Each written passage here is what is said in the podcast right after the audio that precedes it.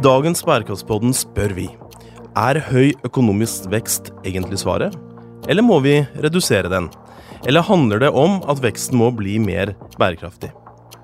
Hva er bærekraftig verdi- og leverandørkjeder? Og vi ser nærmere på bærekraftsmål nummer tolv om ansvarlig forbruk og produksjon. Og til å svare på disse spørsmålene så har vi altså Annabel Lefebur eh, Henriksen, daglig leder i Fairtrade Norge, og Heidi Furustøl, som er daglig leder i Etisk handel Norge. Mitt navn er Kim Gabrielli, og jeg er assisterende generalsekretær i UNICEF Norge. Vårt mandat er at hvert barn skal overleve, vokse opp og få utvikle seg til sitt fulle potensial.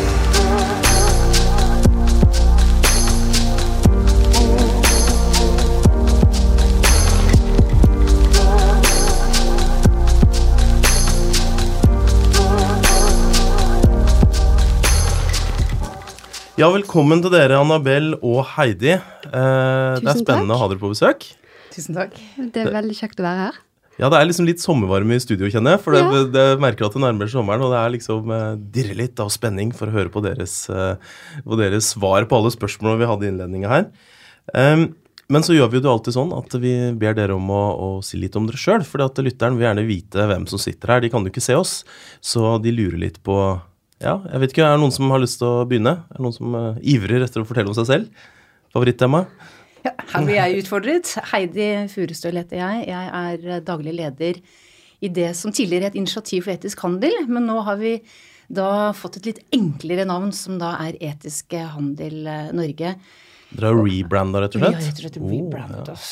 Eh, Kort om meg. Jeg høres ut som jeg er en østlending. Men det er bare utenpå, for jeg er egentlig fra Randaberg utenfor Stavanger. Og så har jeg oppvokst eh, ifra, mm, på Storsjønes i Balsfjorden. Så der har du meg, hele Norge, i, i, i meg. Det visste ikke jeg. Men hvorfor er du så engasjert i bærekraft, da? For jeg antar du er det?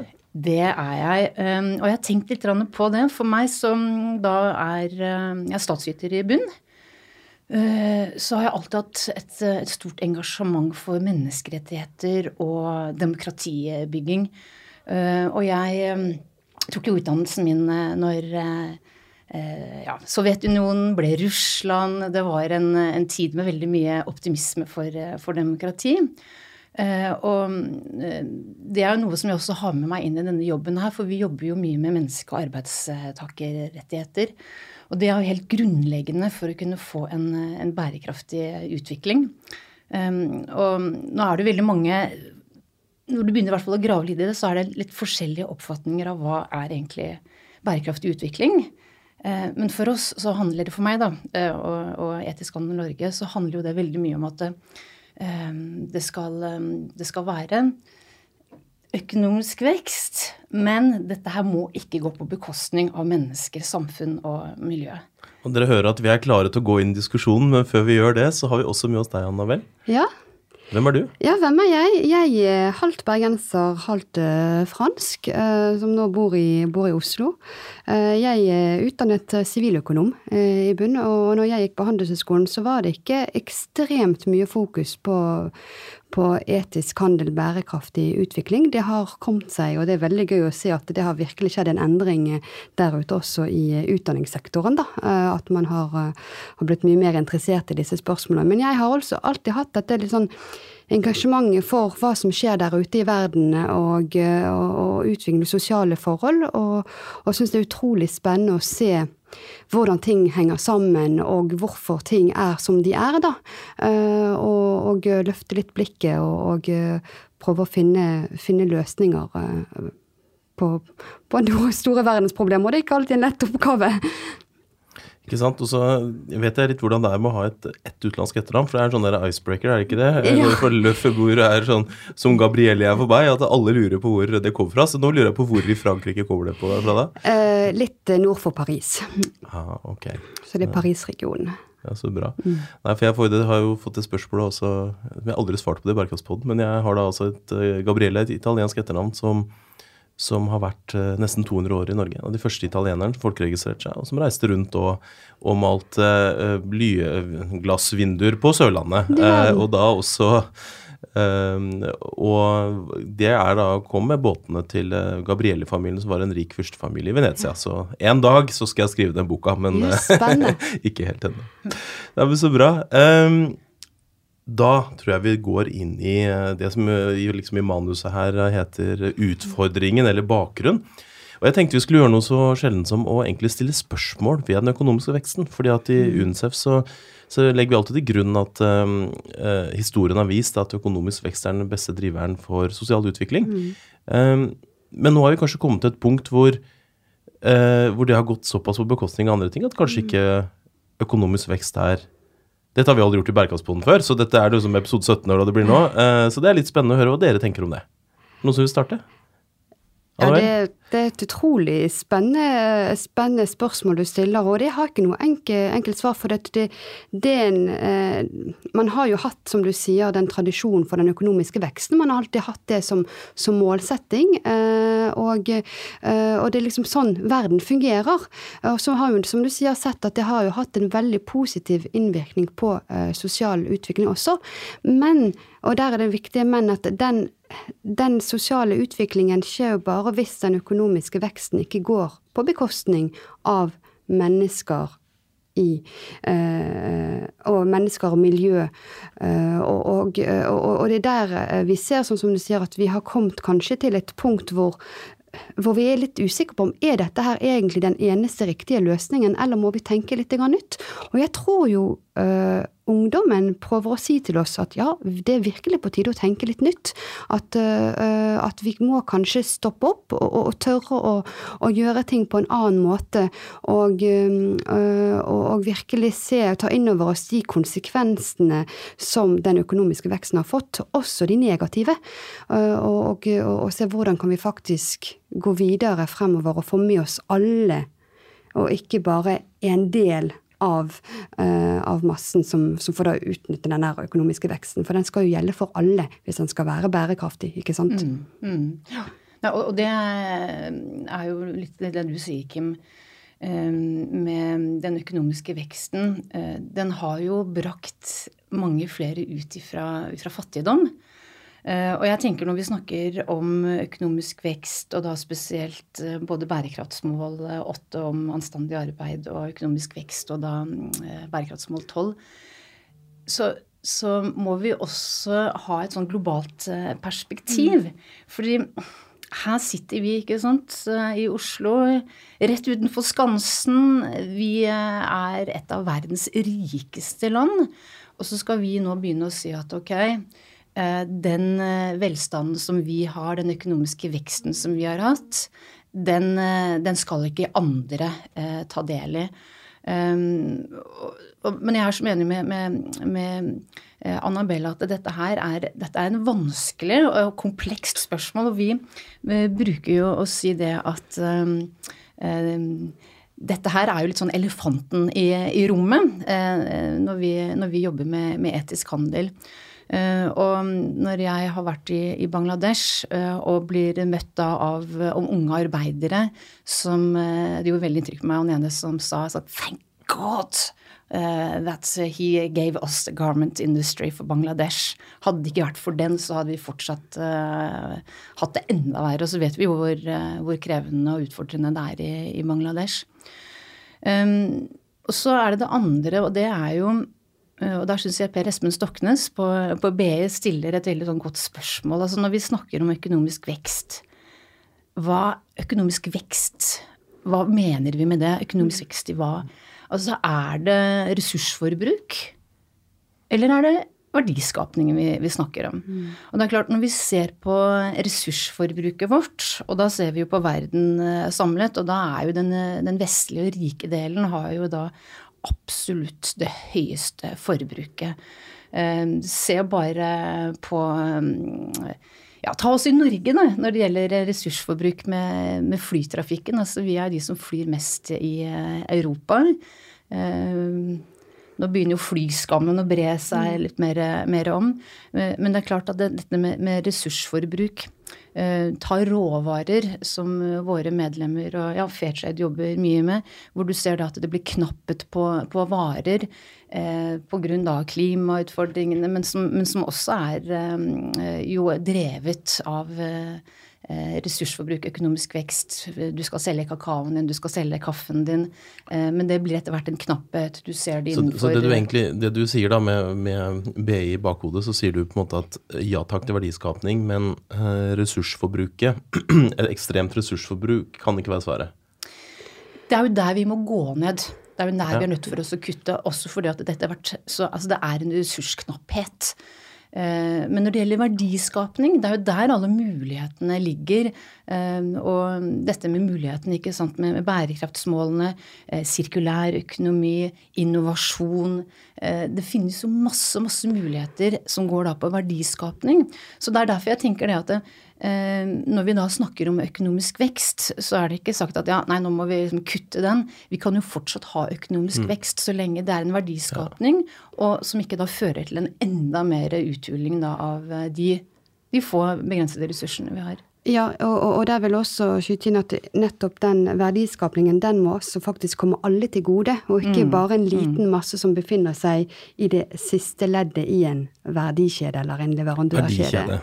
Ja, ikke sant? Og, og da snakker vi om alle de menneskene eller aktørene eller leddene som er innblandet i ferdigstillingen av et produkt, av et ferdig produkt. Så f.eks. For, for en T-skjorte vil vi da snakke om en verdikjede som går alt fra bomullsbonden til de som spinner og vever og syr og transporterer og selger plagget. Sånn, så det er alle disse Men også helt fram til butikken i Norge, helt da. Helt frem til butikken, ja. og også du som forbruker er jo også er faktisk det ultimate siste leddet, for du mm. kjøper det produktet. Så vi har jo alle en, en, brikke å spille i denne her prosessen, da.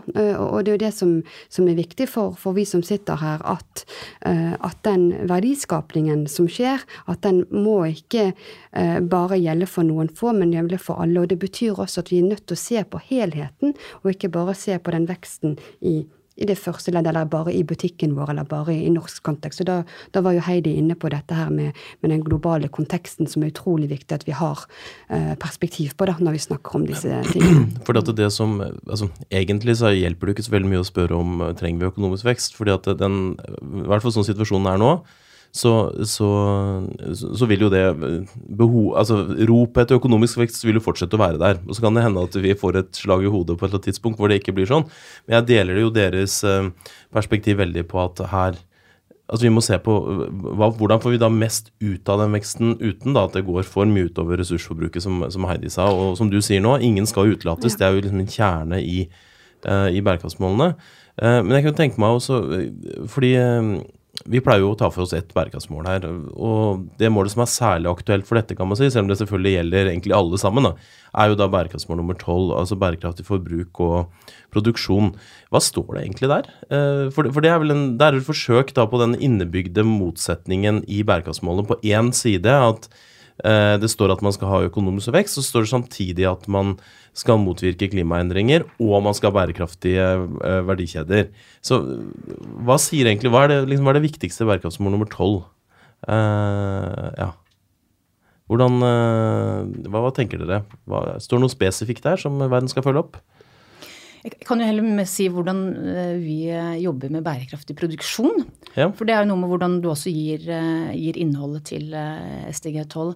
Um, og da er, igjen, da, som jeg også sa når vi begynte å introdusere oss um, Det er så viktig uh, når bedrifter og virksomheter da uh, utøver uh, sin forretningspraksis, at den da ikke skader mennesker, samfunn og miljøet. Og det ehm, er jo en eh, Det høres jo litt sånn enkelt ut å si på en setning. at ja, Pass på bare, bare, eh, at dere kan gjerne gjøre næringsvirksomhet, bare det da ikke skader miljø og, og samfunn og, og, mennesker. Ehm, men, men det som, som, vi ser, er jo det at det er viktig å ha en metodisk inngang til hvordan du jobber da med både din egen leverandørkjede og verdikjede. Det er jo litt to forskjellige ting. Um, og da er det viktig å ha den helhetlige tilnærmingen. Da skal jeg si dette ordet som du helt sikkert kommer til å be meg om å kunne forklare. Er, nå er det spenning i studio. Ja. Få høre. Ja. Det som jeg håper da blir BUZZ-ord og nyåret for 2019, aktsomhetsvurderinger. Er det mulig må rebrande det litt også? Ja, det kan godt være. Det kommer jo ifra engelsk due diligence. Okay. Uh, og er jo et sentralt element da i FNs uh, veiledende prinsipper for, uh, for næringsliv og menneskerettigheter.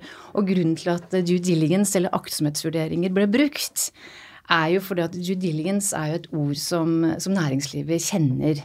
Eh, driver du næringsvirksomhet, så vil du alltid prøve å minimere risiko. så Du vil ikke sant, se på hva er det som er risiko for din virksomhet. Det som er det nye her, er jo at du skal ikke bare se på deg selv. Hva er det som er den finansielle risikoen? Hvordan sant, får du finansiert uh, nye investeringer osv.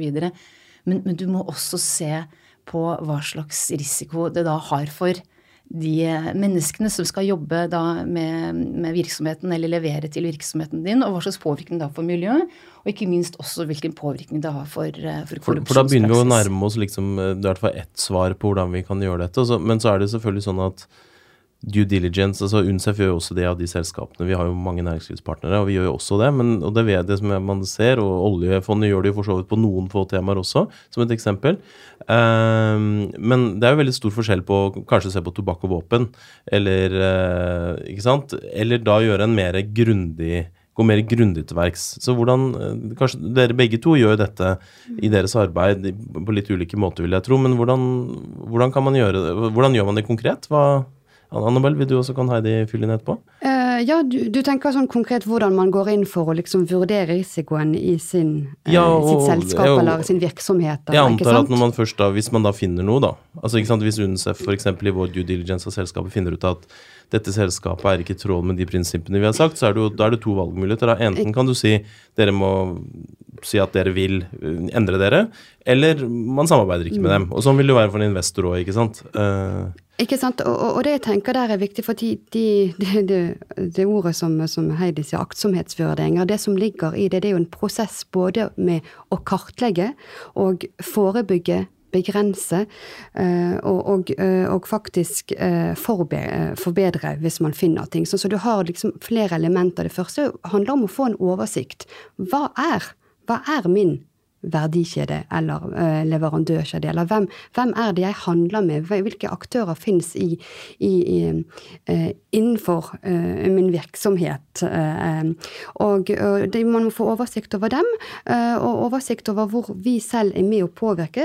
Heidi var inne på dette med innkjøpspraksis, hvor man selv faktisk av og til bidrar uten at man ønsker det til, til, brudd på menneskerettigheter, fordi at den måten vi selv handler på, egentlig ikke er en, en, en, en god etisk måte, men man har liksom kanskje ikke det, det perspektivet med seg, da. Um, så, så det, er, det, handler om, om den der kartleggingen, bevisstgjøringen. Og det er kanskje det, et av de tingene som, som vi ser i Fairtrade som, som, er veldig vanskelig, for vi jobber jo med, med råvareleddet, sant? og det er ofte det første leddet i en lang og kompleks verdikjede for, for mange produkter produkter.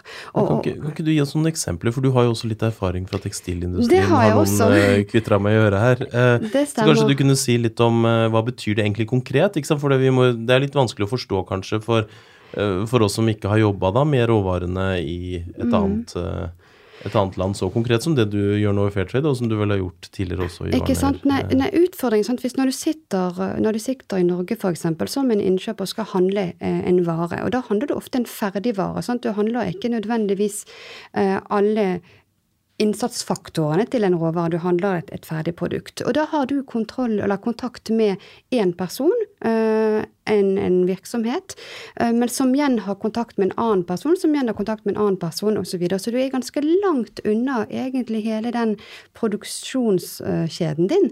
Eh, så, så den utfordringen er å liksom finne ut at hvem, hvem, er det jeg egentlig handler med, hvem sitter bak, hvem er bak denne, denne adressen, eh, dette produktet, og, og gnøste opp i det. sant? Og, og det er en stor kartleggingsjobb, og der finnes det forskjellige verktøy man kan, man kan, kan anvende, og, og, man må rett og slett bare begynne å, å være nysgjerrig og stille spørsmål spørsmål. Og det er kanskje det viktigste i, i hele dette bærekraftsarbeidet. Å Still spørsmål. Og det er jo det samme som vi sier også til forbrukerne. Still spørsmål. Det er det første du, du kan gjøre der. Allerede der kan du gjøre en forskjell. Og så, når du har begynt endelig å liksom få oversikten, så må du gå inn og si men hvordan er det egentlig her? Uh, og, og, og, da som du ser, da har man flere valg. Uh, man kan liksom uh, lukke øynene og si nei, der så det fint ut, og så går man videre. Eller så kan man faktisk se på, på, på virkeligheten og undersøke ordentlig hva, hva som skjer. Eh, og så hva så? Hva gjør man da når man oppdager at ting ikke er på selv? For det gjør man jo. Eh, det de, det er veldig naivt å tro at du kan gå inn i store, komplekse verdikjeder og tenke at her er alt perfekt. Som regel vil det ikke være det. Tvert imot, du vil ofte ha ting du setter fingeren på. Mm. Men det som er spennende, er det som skjer akkurat det du oppdager ting. Hva du gjør da, hvordan du går i samarbeid med den aktøren for å sette i gang forbedringer for å få til den endringen vi egentlig er ute etter. Heidi, dette har du jo, altså det er jo litt artig, da. Fair trade og etisk handel. For meg så det sånn utgangspunktet høres ut som det er det samme. Men eh, dere kan sikkert fortelle litt, dere har jo ulike innsatsområder. sånn jeg har forstått det. Men mm, dere jobber jo også eh, f.eks. i Bangladesh, gjør dere ikke det? med, direkte med, med, med, fabrikker. Kan ikke du fortelle litt om det, og litt hvordan dere jobber? Altså Jeg antar det er mye av det, at dere jobber mye av de samme tingene, men at det allikevel er ulik uh, inngangsport til hvordan dere gjør det, eller hvordan er det? Ja, Bare for å ta først uh, forskjellen mellom Etisk handel Norge og Fairtrade, det er jo at vi er jo en medlemsorganisasjon med 170 medlemmer, deriblant Fairtrade. Men en rekke andre bransjer, dagligvarebransjen, tekstil, bygg og anlegg, offentlig sektor. Vi har også sivilsamfunn, så vi er jo et uh, flerpartssamarbeid. Og det, når vi også skal snakke litt på, på løsninger, så er det en, en veldig viktig inngang da, for å kunne jobbe med disse veldig komplekse utfordringene i eh, leverandørkjedene. Eh, vi har også fagbevegelsen med, og det er også en veldig viktig del av, av løsningen. Eh, vi, vi, jobber jo da eh, hvor vi har eh, fordelt medlemmene på våre medlemsrådgiver. Så vi har hver vår medlemsportefølje, litt avhengig av hva slags bransjeerfaring vi har.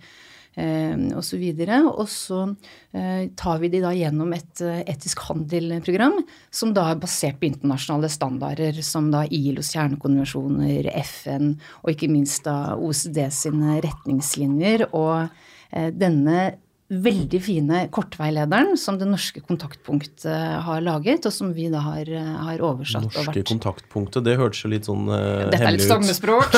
det høres liksom ut som noen som satt på et kontor ja. litt borti et departement, ja. kan det stemme? De er, de, er, ikke ja. mange, de, de, er eh, tre stykker. Men alle OECD-land er jo da pålagt å ha et nasjonalt kontaktpunkt okay. mm. som skal drive med veiledning i næringslivet. Men det er også en klageorgan. Eh, så virksomheter kan jo da, som da faller inn under OCDs eh, retningslinjer, kan da bli klaget inn til eh, kontaktorganene for da brudd på retningslinjene, det være seg miljø eller menneskerettigheter. Så denne metoden da med aktsomhetsvurderinger er basisen for hvordan vi jobber med våre medlemmer. og da er det jo alltid fra de som eh, Ja, Annabelle hadde jo en annen rolle tidligere, som har jobbet lenge med det. Andre medlemmer som Altså i Warner? Ja, jeg var bærekraftsansvarlig i, i Warner i tolv år. Nettopp. Så dette, dette kan Annabelle. Til de som eh, ringer oss og sånn Skulle gjerne hatt en sånn derre code og da er det, og det er veldig forståelig hvis du aldri har hørt om en code of conduct, altså en retningslinje, så, så, så begynner vi ikke sant, å, å, hjelpe til med det. Så vi bruker jo også mye tid på kurs og, og kompetanseheving, og da kurs i hvordan gjøre aktsomhetsvurderinger. Og så legger vi da mer på med sant, hvordan kunne få en god innkjøpspraksis, hvordan vi jobber med det offentlige, med eh, offentlige anbud, og sikre at menneskerettighetene er eh, ivaretatt. Eh, vi hadde nettopp nå seminar om eh, eh, hvordan bruke inspeksjoner eller audits bedre. Vi tror ikke på det som det saliggjørende virkemidlet. Veldig mange reiser jo på fabrikk, har inspeksjoner, og det er nødvendig, men det er ikke tilstrekkelig. Så hvordan kan du da ikke sånn, bruke mm. audits bedre? Og, og, som en del da av, av aktsomhetsvurderingene bare for liksom, Der er det en modell eh, hvor eh, det er eh, seks eh, steg.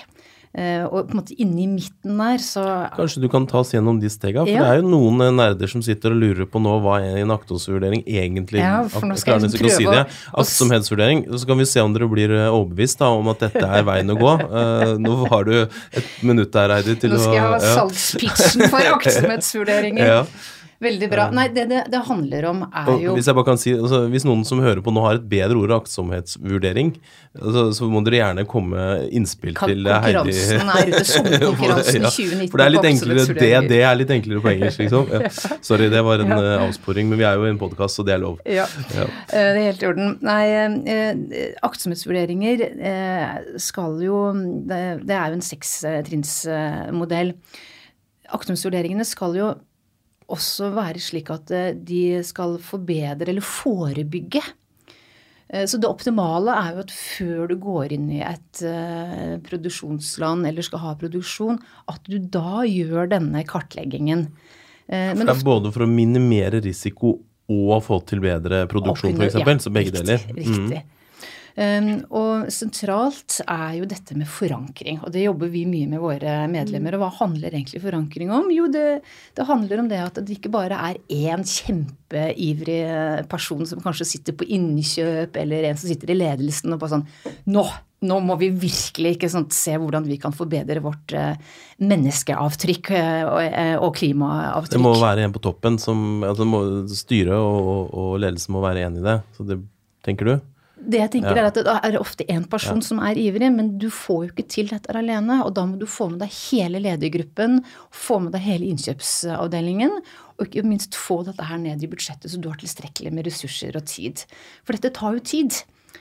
Men det er ikke vanskelig. Men hvis ikke du har uh, fått i din stilling, da, si at du skal jobbe 50% eller 20 eh, da med, med bedriftens eh, bærekraftsarbeid, så blir det veldig vanskelig da å gjøre en ordentlig risikokartlegging og kunne, kunne følge opp.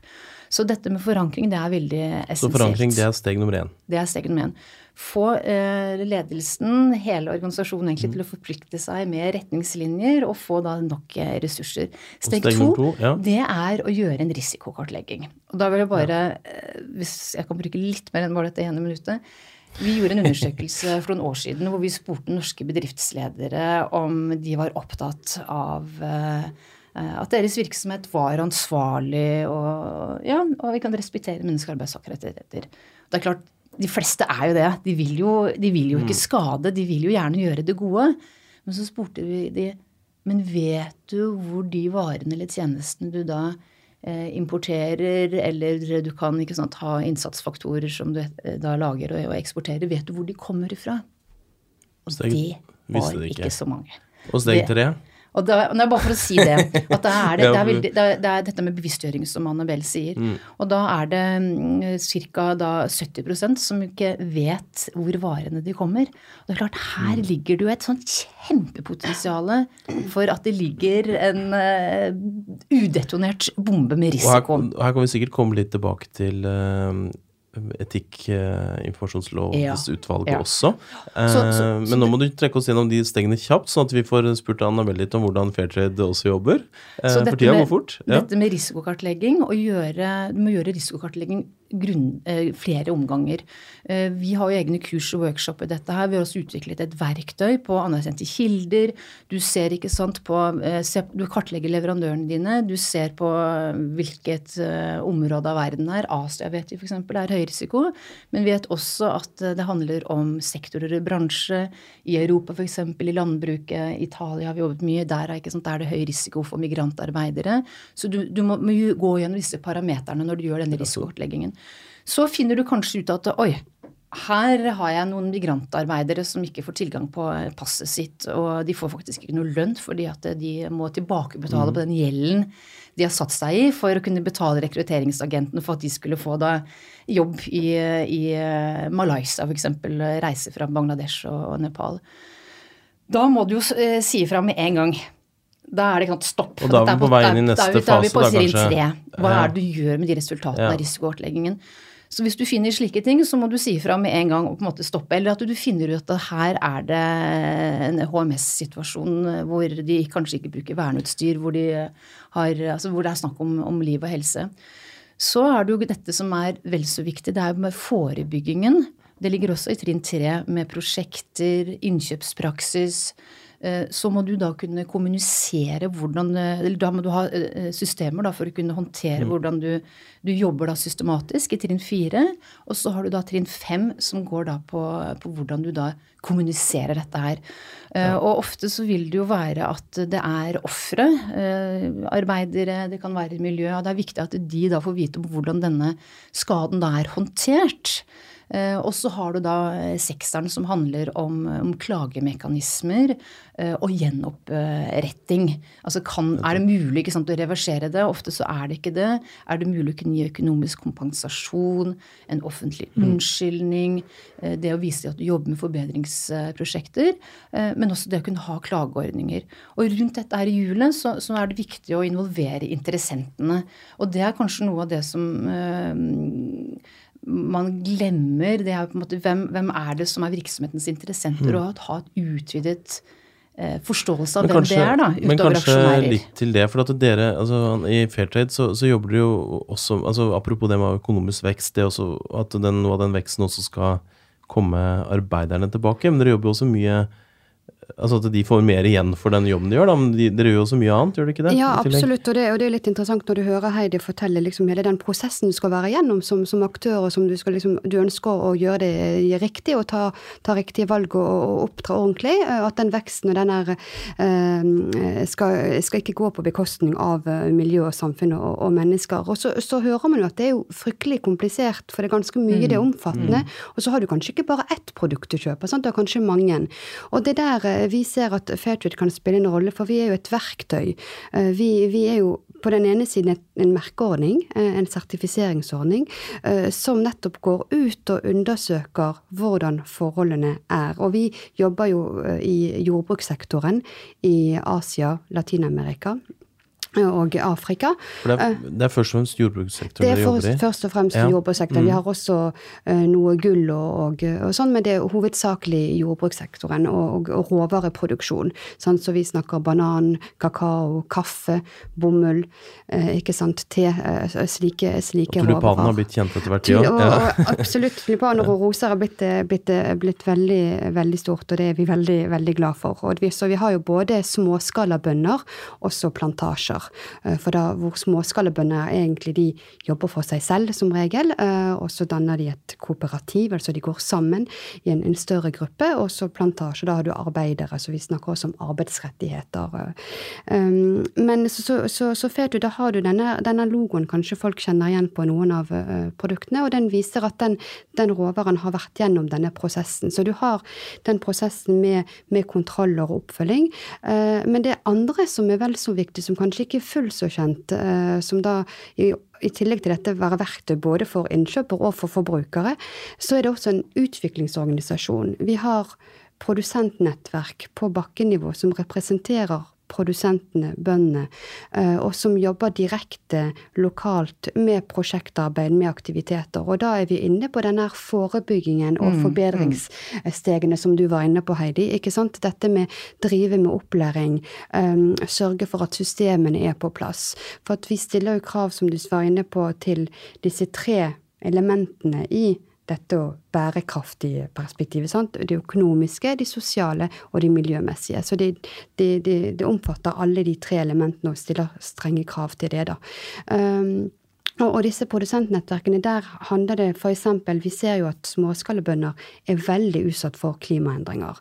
Og da må jo faktisk de kunne øh, øh, sørge for å, å, tilpasse jordbruket sitt, sånn at ikke de kommer enda verre ut.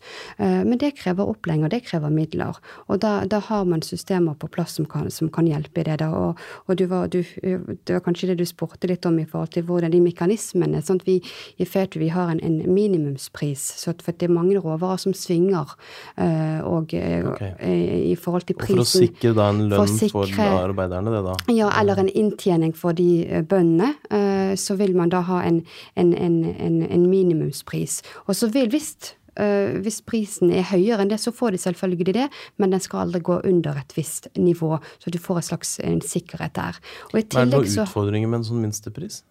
Ja, det, det, er absolutt det. For det er jo Man går jo inn i sånne mekanismer, og, og, så kan man spørre burde det være nødvendig. Men når vi ser jo at kaffeprodusentene i dag ikke klarer å dekke produksjonskostnadene sine med den inntjeningen de har, så er det noe som er fundamentalt galt. Men, men hvis minsteprisen er, eh, for lønn er så høy at det ikke blir lønnsomt for altså for uh, Altså at det ikke lønner seg, da. Altså det blir høyere pris, mye høyere pris på de produktene enn det blir på andre produkter, da, som er villige til å gå ned i pris på arbeiderne. Blir det da en utfordring at man ikke får solgt det, eller har man klart å finne det. en balanse på det? Nei, og det, og, og det, er derfor vi ser jo at vi skulle gjerne ha hatt en minimumspris som hadde vært enda høyere, men vi kan jo ikke konkurrere oss selv ut heller av markedet. Nei, sant? Ikke sant? Så vi er mm. nødt til å respektere de mekanismene, men likevel ta det stegvis. Så vi ønsker jo å, å pushe, uh, pushe, den, for vi ser at den ikke nødvendigvis innebærer en levelønn eller en leveinntekt, ikke sant.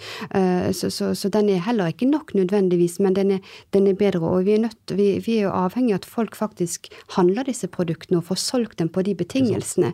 Og vi ser jo at produsenter de kan jo uh, produsere i henhold til våre uh, til Fairtrade-standardene, med de kravene vi stiller til råvarer, miljø og osv., men ikke nødvendigvis får solgt alt. Og da har de tatt en investering de ikke får igjen for. Så det, det er veldig viktig at vi ikke at, mm. at vi har det i bakhodet, da. Uh, og, og jeg syns vi nå merker oss, eh, nærmer oss egentlig et begrep som står i eh, den regjeringsplattformen av den siste utgaven av regjeringen, og det er jo modern slavery, mm. som jo egentlig høres ut som et slagord fra CNN eller noe sånt. Eh, men det er et begrep som nå blir kasta rundt seg. altså Folk liksom bruker 'å, modern slavery', og vi skal ha initiativ for det. Men er det egentlig noe nytt? Eller er det Nei. det som dere har jobba med veldig veldig lenge på litt ulike måter? Det er ikke noe nytt eh, på, på, på den måten, for det har jo funnes. Og, men det man må forstå at moderne slaveri det er en paraplybetegnelse ikke sant, for, øh, øh, som viser øh, til ulike situasjoner hvor, hvor, mennesker utsettes for vold, trusler, hvor de ikke har en fri de ikke kan komme ut av den situasjonen. Så det, det vil liksom omfatte f.eks. tvangsarbeid, slavearbeid, verste former for barn barnearbeid, men også tvangsekteskap, f.eks. Ikke sant? Så, mm. så du, har, du, du, har, en ganske stor, uh, stor, betegnelse og mange ting du putter inn i der. Men som du sier, det er jo ikke noe, det er dessverre ikke noe nytt. Uh, men det er bra at det settes fokus på det, fordi at da er vi tilbake til dette som er så viktig for oss, at folk uh, og bedrifter er bevisst sitt ansvar og hva som skjer og mm. foregår i sin verdikjede, hvordan de faktisk kan, kan ved å gjøre noen tiltak endre noen mekanismer og hvordan de arbeider, stoppe eller hindre at det skal skje, og ikke minst vite hva de skal gjøre dersom de oppdager at dette foregår i sin verdikjede. Men har vi det i Norge også, Heidi? Ja, vi har jo det. Ja. Eh, Nå vet jeg ikke hvor mye dere jobber med akkurat det, da, men, eh, men det foregår her òg? Global Slavery Index estimerer jo at det er ca. 9000 uh, moderne slaver i, i Norge. Oi. De kan være i tjenester, det kan være Ja, det har jo vært en del saker. Uh, bilvasking, det har vært denne Kebabsjapper. Ja, mm. som uh, vi har sagt. Det har vært jordbruk. Moderne slaveri er jo også et, et, begrep som er blitt brukt eh, i Storbritannia på Modern Slavery Act. Men også pga. Eh, det mer kommunikasjonsmessige, fordi eh, du stanser opp. Hører du moderne slaveri? Hæ? Hva finnes det? Ble ikke vi ferdig med det på, på 1800-tallet? Mm. Det er rebranding, rett og slett. Ja, altså, nei, og vi, og vi gjorde ikke det. Og du kan jo si det at ja. eh, på den gangen det var lov med slaver, så investerte man jo kapital i en slave, og var jo da opptatt av å kunne holde den slaven ved like, altså passe på at uh, den eh, varte så lenge som mulig. Det som er dagens situasjon når man ser globalt, er jo det at det er et voldsomt uh, tilbud på billig arbeidskraft. Mm. Eh, du ser det i Libya, hvor de blir solgt eh, på, på torgene. Eh, du ser det i lavkost Blir man solgt på torget i, i, Libya. i dag? Mm. Ja. Og du ser det også, Vi hadde jo sist i går en artikkel i Aftenposten som mm. forteller mm. om kakaosektoren, og hvordan, er, hvordan, du har masse barnearbeid der, som, som mm. også da er rett og slett slavearbeidere. Mm. Vi jobber jo ikke bare med det som også kan kalles for tvangsarbeid. altså ILOs kjernekonvensjoner har jo forbud med tvangsarbeid. Så vi mm. har jo konvensjoner som de fleste land har eh, forpliktet seg til å etterleve. Eh, og vi snakker vel om 25 millioner eh, slaver, hvorav da 25 da er i, i tvangsarbeid. Mm. Men vi jobber jo enda bredere langs dette spektrumet da fra de verste former til sant, hvordan er det vi kan få ned ekstrem overtid, hvordan er det vi kan faktisk få på plass en levelønn, ikke bare en minstelønn som knapt nok er til å stagge sulten, men en, en, lønn det faktisk går an å, å, å, leve av. Så vi har liksom hele dette spekterets utgangspunkt for, for, vårt arbeid. Og, dette er jo selvfølgelig også for UNICEF et sånt sant, barnearbeid. Mm. og en ting, altså Dette er jo veldig komplekst, ikke sant, og UNICEF er utgangspunktet ikke mot barnearbeid som helhet, men mot skadelig barnearbeid, selvfølgelig. fordi at uh, i mange land så jobber jo barn mellom de er 15, 16, 17, 18 eh, ikke-skadelig arbeid. Men det som er den store store utfordringen, er jo sant, de som dere nevner nå. De barna som blir utsatt For det første blir utsatt for, utsatt for skadelige ting. Som er jo helt fra det helt mest horrible til uh, hardt arbeid. Men også selvfølgelig at de da mister uh, sin uh, mulighet til å ta utdanning, og i tillegg ofte ikke får lønn. At det blir sett på noen slags vi har jo sett i tekstilindustrien også hvor man jobber i en del av markedet for en slags videregående utdanning, mens man venter på å få lov å jobbe på de internasjonale fabrikkene f.eks. For eksempel, fordi det da ikke fins et skoletilbud. Mm. Uh, og det, det, er klart at det her, det her er jo uh, det er vanskelig å komme til livs, men det er klart vi har jo Tallene går i riktig retning, men så er jo, i hvert fall de globale tallene. Men så er det jo alltid et spørsmål hvor hvor gode de tallene er også. Men jeg synes var, Du var inne på et begrep her som jeg syns er veldig viktig. og du, du, sa det også selv, dette her med, med levelønn, leveinntekt. og Her tror vi er inne på noe eh, veldig essensielt og en, en nøkkel. For det moderne slaveri det henger uløselig sammen med fattigdom. Det er mm. andre grunner også til det, men, men, fattigdom er en viktig årsak til at moderne slaveri oppstår. Uh, og uh, ofte er det fordi at mennesker tvinges inn i valg de egentlig ikke har. Eh, du, du, du, du, har ikke den økonomiske friheten, det handlingsrommet. Foreldre som da blir nødt til å selge sine barn som slaver, for de kan ikke forsørge dem. Eller som de jobber istedenfor å, å gå på skole. Og ofte er det, det er ikke fordi de ønsker det, men det er fordi de, har, de føler at de ikke har et annet alternativ. Eh, og, og denne artikkelen i Aftenposten sa det også så veldig fint, syns jeg, at det, det handler om at kanskje en av de enkleste løsningene faktisk bare å begynne å betale det riktig pris for, til bonden for de varene, sånn at man faktisk har en inntekt eller en lønn man kan leve av. Og det, det tror jeg er kjempeviktig at vi, vi stopper opp og, og, og, tenker litt på. Tilbake til den økonomiske vekstspørsmålet i starten, sant? og snakker litt om denne litt elefanten i rommet som man ofte ikke syns er så, så, gøy å, snakke om. Men, men, hva koster ting egentlig? Hvem er det som betaler prisen? Mm. Uh, og, og, det er jo det som gjør at du, du har former for moderne slaveri også i dag. Og som en god podkast så, så, slutter vi der vi starta. Vi begynte med økonomisk vekst og har nå liksom ringen der slutta på et vis. Men eh, vi skal snart eh, gå av sending. Men jeg, jeg tenker at eh, kanskje dere har lyst til å komme med noen siste kloke ord her, eh, ja, jeg, Heidi? Jeg tenker jo, ja? For å kunne kjempe moderne slaveri, så er det jo viktig eh, flere grunner. Det ene er jo da å gjøre disse aktsomhetsvurderingene. Bare det i seg selv kan jo faktisk ta ned. Så må det gjøres kontinuerlig. Eh, når du har gjort en aktsomhetsvurdering en gang, så må du gjøre det på nytt når risikobildet endrer seg.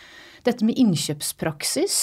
Det har også en direkte effekt på moderne slaveri og andre kritikkverdige arbeidsforhold.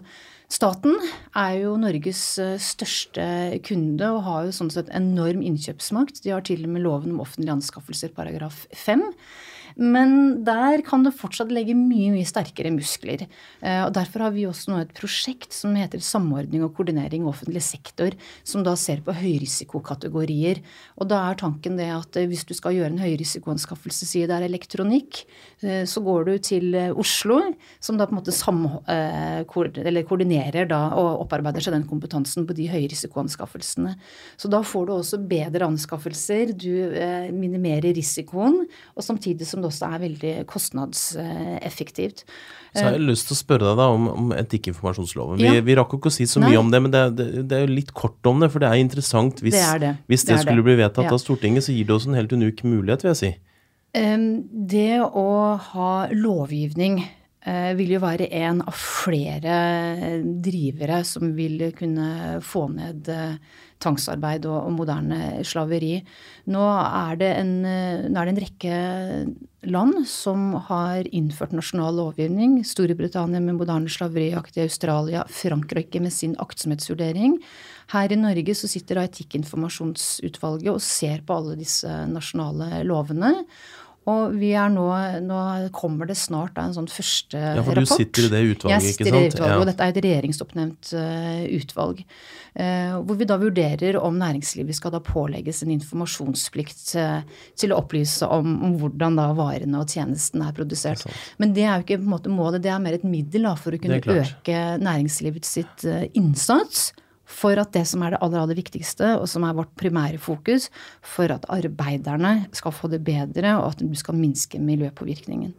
Den skadelige miljøpåvirkningen. Deg til slutt, Anna Vel? Ja, til slutt da vil jeg si at jeg er veldig enig i det du, det du sier, Heidi, der. Og, og jeg tror at åpenhet skaper endring. Og det er det det handler om. Det handler ikke om å sette og peke på og, og liksom øh, øh, og, og, sette fingeren og si dette er ikke bra nok, men heller liksom at man, man, tør å snakke om de tingene som ikke er bra, for å ha en åpenhet rundt det, sånn at vi faktisk kan begynne å få til en, en reell endring. Og da vil jeg si at da har vi alle som enkeltindivider, som innkjøpere, statlige innkjøpere eller, øh, eller i våre egne virksomheter, en mulighet til å påvirke ved å stille spørsmål, ved å være nysgjerrig og, begynne å være spørre liksom, hva, hva er det egentlig egentlig som foregår, sånn at vi kan begynne å få den, den diskusjonen. Jeg syns vi har allerede fått ganske mye diskusjon i de siste årene rundt det, så det syns jeg er utrolig bra og positivt. Og så syns vi kan fortsette den, sånn at vi kan få en endring til enda raskere.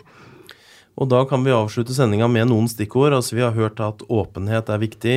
Aktsomhetsvurderinger er altså er liksom eh, ordet, men også levelønn, innkjøpspris og etikk. Innkjøpspris, ja. Innkjøpspraksis, så klart. Og innkjøpspris, for så vidt. Men, uh, og uh, etikkinformasjonsloven, som vi snart skal få en rapport fra et utvalg på. Mitt navn er Kim Gabrielli, jeg er assisterende generalsekretær i UNICEF Norge, og vi takker for at dere har lytta på oss i dag.